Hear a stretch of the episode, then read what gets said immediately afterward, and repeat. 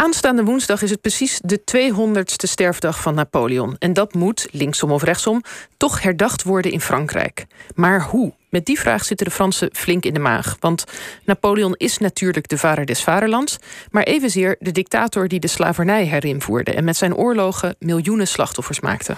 Onze eigen Napoleon-kenner Bart Vunnekotte volgt die heftige discussie over Napoleon in Frankrijk op de voet. Bart, goedemorgen. Goedemorgen. Eerst maar even een hele simpele vraag. Meestal hebben Napoleon-kenners één handicap. Het zijn meestal ook fans. Uh, geldt dat ook voor Bart Vunnekotte?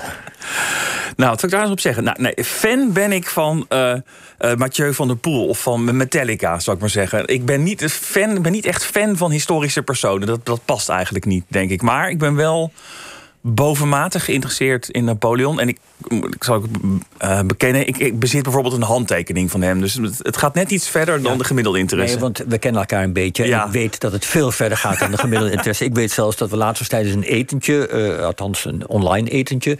jij nog zat te vertellen dat je de handtekening van... Maar ja, ik verzamel ook handtekeningen van, van Maart Schalken, inderdaad. Ja, inderdaad. Nee, laten we toch de dingen helder bij namen. Maar dat weerhoudt mij er niet van kritisch de geschiedenis te bezien. Goed. Uh, Napoleon moet herdacht worden, dat is uh, uh, vast niet voor het eerst. Uh, hoe, hoe ging het voor deze tijd als hij herdacht werd? Was het altijd positief of zijn er al vaker kritische geluiden geweest? Nee, er zijn wel vaker kritische geluiden geweest. En ook uit de hoek waarvan je het niet per se verwacht. In 2005 was het 200 jaar geleden dat de slag bij Austerlitz werd, werd uitgevochten. Dat was Napoleons grootste overwinning. Toen stond hij op het hoogtepunt van zijn macht. En er was van eigenlijk van alles gepland in Frankrijk. En het is toen president Jacques Chirac die daar een streep doorheen heeft gehaald die had er helemaal geen zin in. Terwijl als je nou had moeten gokken, had je best kunnen voorstellen dat Chirac een, een fan was geweest van, uh, van Napoleon. Want hij zelf ook een zekere grandeur wilde uitstralen. Dus um, er is altijd wel gedoe geweest om dat herdenken van Napoleon. En dat begon eigenlijk gewoon al 200 jaar geleden, vrijwel meteen na zijn, na zijn dood. Na zijn verbanning? Ja, na zijn verbanning. Maar het, het echte verwerken begon in 1821.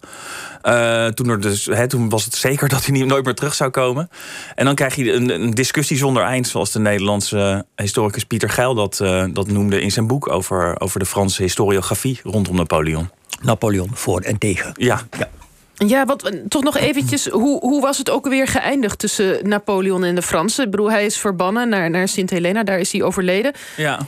hadden ze zelf toen ook schoon genoeg van hem? Of, of hoe, hoe was die situatie toen, nou, maar zeggen? Lang niet iedereen. De, de, de, de, geesten waren gescheiden. Je had mensen die echt schoon genoeg van hem hadden... en blij waren dat hij nooit meer terug zou komen. En je had dus nog mensen, ja, heimelijke of niet zo heimelijke fans... die, uh, die, die uh, zijn nagedachtenis uh, in ere wilden houden. En die hebben er uiteindelijk natuurlijk ook voor gezorgd... dat in 1840 die terug werd gehaald van Sint Helena... en is herbegraven in, uh, in de Don de Zenvalide. En dat was een combinatie van een, de, de, koning die toen op de troon zat... en die zich wat van de, de glorie van Napoleon op die manier wilde toe-eigenen. Maar daar stonden aan de baar dus ook allemaal van die oude mannen... met van die, van die snorren, die dus nog onder Napoleon gevochten hadden... en die, dat, die daar hele warme herinneringen hadden aan die tijd. Ik ben toch nog even eigenlijk wel benieuwd. Weet je hoe dat dan is gegaan toen het nieuws bekend werd dat hij overleden was? Hoe kwam dat toen aan in Frankrijk? Dus 200 jaar terug. Dat kwam aan de, via Engeland. Okay. Het, was, het stond als eerste in Engelse, eerste in Engelse kranten. En zo lekte dat uh, Frankrijk binnen. En het, het, het, zat er natuurlijk wel aan te komen... omdat er ook wel uit was gelekt van de, de mensen... die op Sint Helena bij Napoleon waren... maar na een paar jaar voor gezien hielden. En, uh, en toch maar teruggingen naar Frankrijk. Die hadden natuurlijk al verteld dat het niet goed ging met zijn gezondheid uh, bijvoorbeeld. Ja. ja. zullen we naar het debat van nu gaan? Ja, is goed. Want er wordt hij wordt niet zomaar nog alleen maar eervol herdacht, als, ik, als we het goed begrijpen. Nee, wat, zeker niet. Wat wordt hem allemaal aangerekend? Uh, best wel veel. Um, Napoleon heeft de slavernij uh, her, uh, opnieuw ingevoerd in de Franse koloniën in 1802. In 1794 was de slavernij afgeschaft als onderdeel van de Franse revolutie. En in 1802 tekende Frankrijk met Engeland de vrede van Amiens. En daarbij kregen ze hun koloniën terug in de Cariben. En uh, toen heeft Napoleon besloten om daar de slavernij opnieuw in te voeren. Omdat hij uh, de, de slaven, de, inmiddels die geen slaaf meer waren... de, mensen, de zwarte mensen die daar weer, uh, woonden... nodig had om suiker te verbouwen. En dat leek hem het handigst om dat zomaar te doen. Dus dat wordt hem zeer zwaar aangerekend op, nu. En dat is ook niet zo gek als je nu de hele discussie... die al jarenlang gevoerd wordt over het kolonia koloniale verleden van Europa... in ogenschouw neemt. Daarbij komt dat zijn wetgeving bijzonder vrouwonvriendelijk was. Dat, is, dat, dat, dat ligt op dit moment ook erg gevoelig in, in Frankrijk en elders. En dan ten derde, ja, zou ik maar zeggen, het klassieke verwijt dat hij een dictator was die miljoenen mensen de dood heeft ingejaagd bij het veroveren van, van Europa. Maar dat is toch, toch wel interessant wat jij zegt van, nou ja, dat, dat, dat derde, dat is het klassieke argument. Dat, dat, is, dat wordt misschien al 200 jaar hem nagedragen. Maar die eerste twee dingen, eh, de vrouwenonvriendelijkheid van, van die wetten en, en het herinvoeren van de slavernij, is dat echt iets nu van de laatste paar jaar dat er aandacht voor is? Dat dat herinvoeren van de slavernij, dat, dat is nu als je de Franse de pers leest en de opiniestukken die er geplaatst worden, dat is, dat is het punt één. Dat is waar iedereen uh, over struikelt. En dat is een discussie die ook al langer uh, wordt gevoerd. Sinds 2000 2005 verscheen een boek dat heette La Crime de Napoleon. Uh, van een, even kijken, van Claude Rieb. En dat was een, een, een, zwarte auteur. En die vergeleek dus het optreden van de Fransen op Saint-Domingue, Haiti, uh, met de genocide. En hij trok ook een vergelijking tussen uh, Napoleon en Hitler. Dus in 2000, dat, was, dat boek in 2005 heeft die discussie heel erg toen voor het eerst op scherp gezet. En allerlei historici vielen daar overheen. En die zeiden van, ah, dat, is, dat boek deugt niet, technisch gezien. De, de, bron, het brongebruik is niet goed. maar je ziet wel dat dat het hele idee van die vergelijking van Napoleon met Hitler en het feit dat je wat daar gebeurde op Haiti, eh, het neerslaan van die opstand uh, van, van die zwarte mensen daar, dat je dat de genocide noemt, dat is inmiddels wel in het, dat zit gewoon in een bepaalde kant in het discours. Dat wordt nu gewoon gebruikt door de critici van Napoleon als een vaststaand feit. Ja, en nou ja, dat lijken behoorlijk veel tegens. Om, Zeker, ja. Hoe valt zo'n man nog te verdedigen? Nou ja, hij heeft eh, nog steeds voldoende uh, pleitbezorgers... onder wie de, de, president van Frankrijk, eh, Emmanuel Macron. Maar de belangrijkste is denk ik Thierry Lenz. Dat is de voorzitter van de Fondation Napoleon. Een historicus die geloof ik al iets van 40 boeken... over Napoleon en het keizerrijk geschreven heeft. En die heeft vorige maand kwam er een boekje van hem uit. Ik heb het hier bij me. Dat heet Pour Napoleon, dus voor Napoleon. En daarin loopt hij in 20 hoofdstukken eigenlijk alle kritiekpunten af. En hij zegt, nou, dat, zo zwaar zit dat allemaal niet. En als je zijn, weerlegging zou, willen, moeten, zou moeten samenvatten in één woord of in één zin... dan is het, je moet de dingen wel zien in de tijd waarin ze gebeurden. Uh, dat is natuurlijk een uh, verdediging waarvan sommige mensen zeggen ja, uiteraard. En andere mensen zeggen ja, dat, dat is een schaamlab die tegenwoordig voor van alles wordt gebruikt... Wat niet te pruimen valt. En dan zeg maar dat je het moet zien in, zoals in, eh, in het perspectief van de tijd waarin het gebeurde. Maar dat is dus wat hij doet. Hij zegt ja, het is niet zo raar dat Napoleon de slavernij daar invoerde. Want Engeland wilde dat min of meer, omdat alle Engelse koloniën daaromheen die hadden ook slavernij. En dan als er dan zo'n Frans vrij, uh, zo'n kolonie waar allemaal vrije mensen uh, leefden, dat zou mensen slaven in Engelse koloniën maar op ideeën kunnen brengen. En ja, Napoleon was een pragmatist, dus hij wilde gewoon daar suiker verbouwen. Dus had hij die zwarte mensen voor nodig. En hij deed het niet uit overtuiging. Het was, hij was geen overtuigingsdader.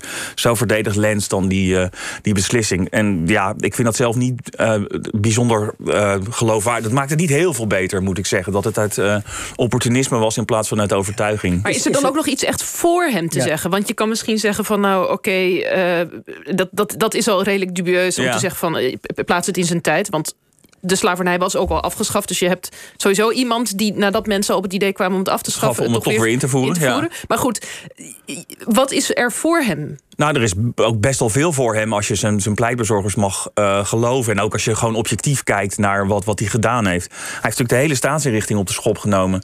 Uh, hoe je het ook went of keert. Hij werd uiteindelijk ontwikkelde hij zich wel tot een dictator. Maar in zijn Code Napoleon, de Code Civil, zijn er wel burgerrechten vastgelegd die daarvoor nooit gecodificeerd uh, waren op die manier.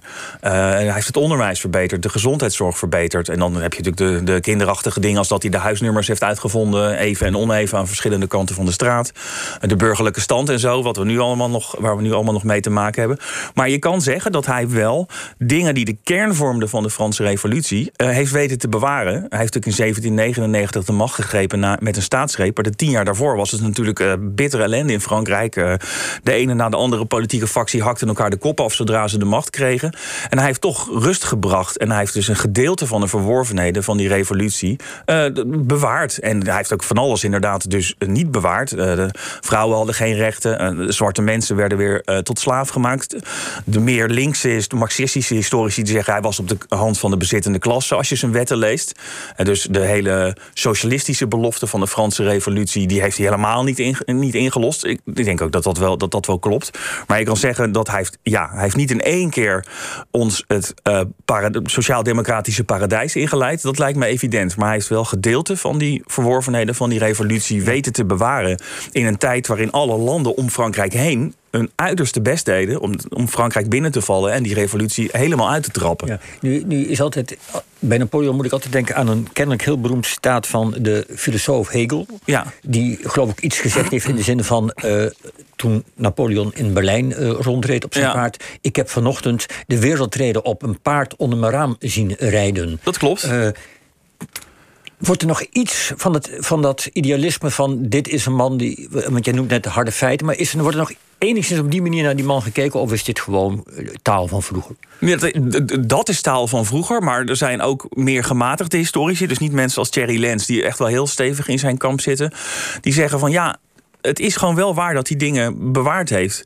En je kan je dan focussen op alles wat hij slecht heeft gedaan. Dus natuurlijk kan dat, maar dan, dat is niet eerlijk. Dan heb je geen afgeronde, afgeronde beeld van wat hij nou was. Je hebt dan niet de hele figuur Napoleon. Dus je moet uh, de, zwarte en de witte kanten meenemen. Ja, dan kom je weer bij de onvermijdelijke conclusie dat de geschiedenis grijs is. En dat is natuurlijk best wel eh, frustrerend af en toe. Want af en toe wil je wel gewoon iets kunnen zeggen dat iets heel slecht of heel goed is. Maar ook voor Napoleon geldt denk ik dat het een, een ingewikkelde kwestie is. Uh, waar zowel goed als slecht uh, in te vinden zijn in die man. En hoe zit het nou? Je zei al, Macron is een Napoleon-fan. Ja. Zo kan je het wel stellen. Zo staat hij bekend, ja. Ja, en, en hoe, wat betekent dat dan nu voor hem? Wat, wat gaat hij doen volgende week? Nou, dat was tot, dat was tot eind voor eh, deze week was dat geheim. Maar het is nu uitgelekt. Hij gaat in ieder geval een krans leggen in de Dom des Invalides bij, de, bij het graf. Dus dat is meer dan gewoon. Uh, dat is wel een eerbetoon. Reflecteren. Dat is een eerbetoon, ja. Dat, daar kunnen we kort over zijn. Maar dat was, is ook niet zo gek. Want toen Macron vorig jaar, toen er overal standbeelden werden omgetrokken over de hele wereld. Toen zei Macron ook wel: dat gaat in Frankrijk niet gebeuren. Hier wordt de geschiedenis niet uitgewist. Dus hij, daar, hij is niet zo van die school van de. Hoe zal ik het zeggen? Van het revisionisme. Waarbij je ook daadwerkelijk eh, standbeelden omvertrekt. Dus hij gaat in ieder geval een krans leggen. En dan gaat hij een lezing houden bij de Instituut de France. Uh, dus ja, en daarna komen er nog twee historici aan bod. Dus er zal iets van een soort van uh, discussiemiddag zijn, vermoed ik. En is het riskant? Kan hij zich hier een, een, een buil aanvallen aan die krans? Ja, het, het interessant, ligt dit in Frankrijk? Het interessante is dat de, het gewone publiek en zo, die is wel best wel fan van Napoleon. Er, er, is een grote tentoonstelling in Parijs waar nu nog niemand heen kan. Maar er verwachten ze geloof ik iets van 2 miljoen bezoekers als eindelijk de deur weer open gaat. En, uh, maar in de journalistiek, in de academie, daar is natuurlijk daar is veel meer kritiek op Napoleon. En daar, daar zal hij een scheve schaat rijden als hij te, te jubelend is in die, in die lezing van hem. Maar ja, de vraag is: tegen welk publiek praat hij? Praat hij tegen de mensen thuis, zal ik maar zeggen, die over het algemeen niet zoveel problemen hebben met Napoleon? Of uh, haakt hij in op dat ongenoegen dat er leeft in meer, ja, hoe zal ik het zeggen, academische, intellectuele kringen, zo je wil. Ik vermoed dat ook hier die ergens in het midden. Ja. En is dat alleen een academische kring of leeft het ook onder actiegroepen? Oh, onder, ja, het onder, onder, zeer, het onder, onder, zeer bewuste, laten we zeggen, bewuste mensen, zoals ja, het heet. De, de, uh, de, de, veel van de opiniestukken die nu tegen hem geschreven worden, dat zijn mensen die in, uh, actief zijn in de anti-kolonialistische beweging, de antiracismebeweging. En die, uh, die, die noemen het die herdenking en straks die die krans leggen, dat noemen ze een affront. De, het, het, goed praten van een, nou, dat, waar het over hadden, het goed praten van een genocide. Wat, wat vindt Bart Funnekotte hier zelf van? Moet, moet er bij, uh, bij het graf van Napoleon of bij het beroemde standbeeld, moet daar zo'n plaquette komen van denk aan dat hij ook de slavernij en ook dit en ook dat heeft gedaan? Nou, ik denk dat dat bij, bij dat graf hoeft niet, want daarnaast is het, uh, het legermuseum en daar, daar kan je voldoende uh, context halen. Daar heb je een gigantische afdeling Napoleon.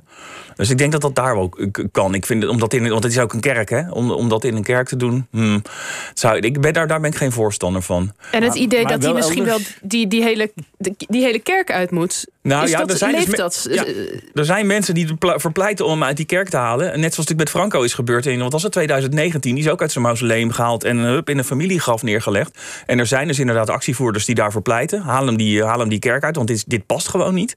En dan begraven bij, de familie, begraven bij zijn familie. Nou ja, laat ik zo zeggen, zolang Macron president van Frankrijk is, gaat dat niet gebeuren. Uh, want als hij al geen standbeelden wil verwijderen, dan denk ik helemaal niet dat hij is voor het ruimen van een graf uit een kerk. Dus ik zie dat niet, dat zie ik voorlopig niet gebeuren. Maar wie weet hoe deze uh, discussie zich in Frankrijk ontwikkelt. Goed, Bart Vinnekotter, we gaan het uh, in de gaten houden. En ga jij naar die tentoonstelling als die open is? Uh, als die open is, ga ik er zeker heen, ja. Goed. ja. En er is ook nog een podcast die jij gemaakt hebt... Hè, waar je wat je nu vertelt nog veel meer vertelt, of niet? je bedoelt voor de OVT? Nee, nee, voor jouw NRC-podcast uh, hebben we het over, over Napoleon. Dus ja, het, gaat nee, niet, zeker. het gaat over Napoleon zelf meer, zijn hele leven. Voor ja, wie het nog eens ja, eventjes... Klopt, uh, inderdaad. Dat is op de website van NRC te beluisteren. Ja. OVT. Een programma over de onvoltooid verleden tijd.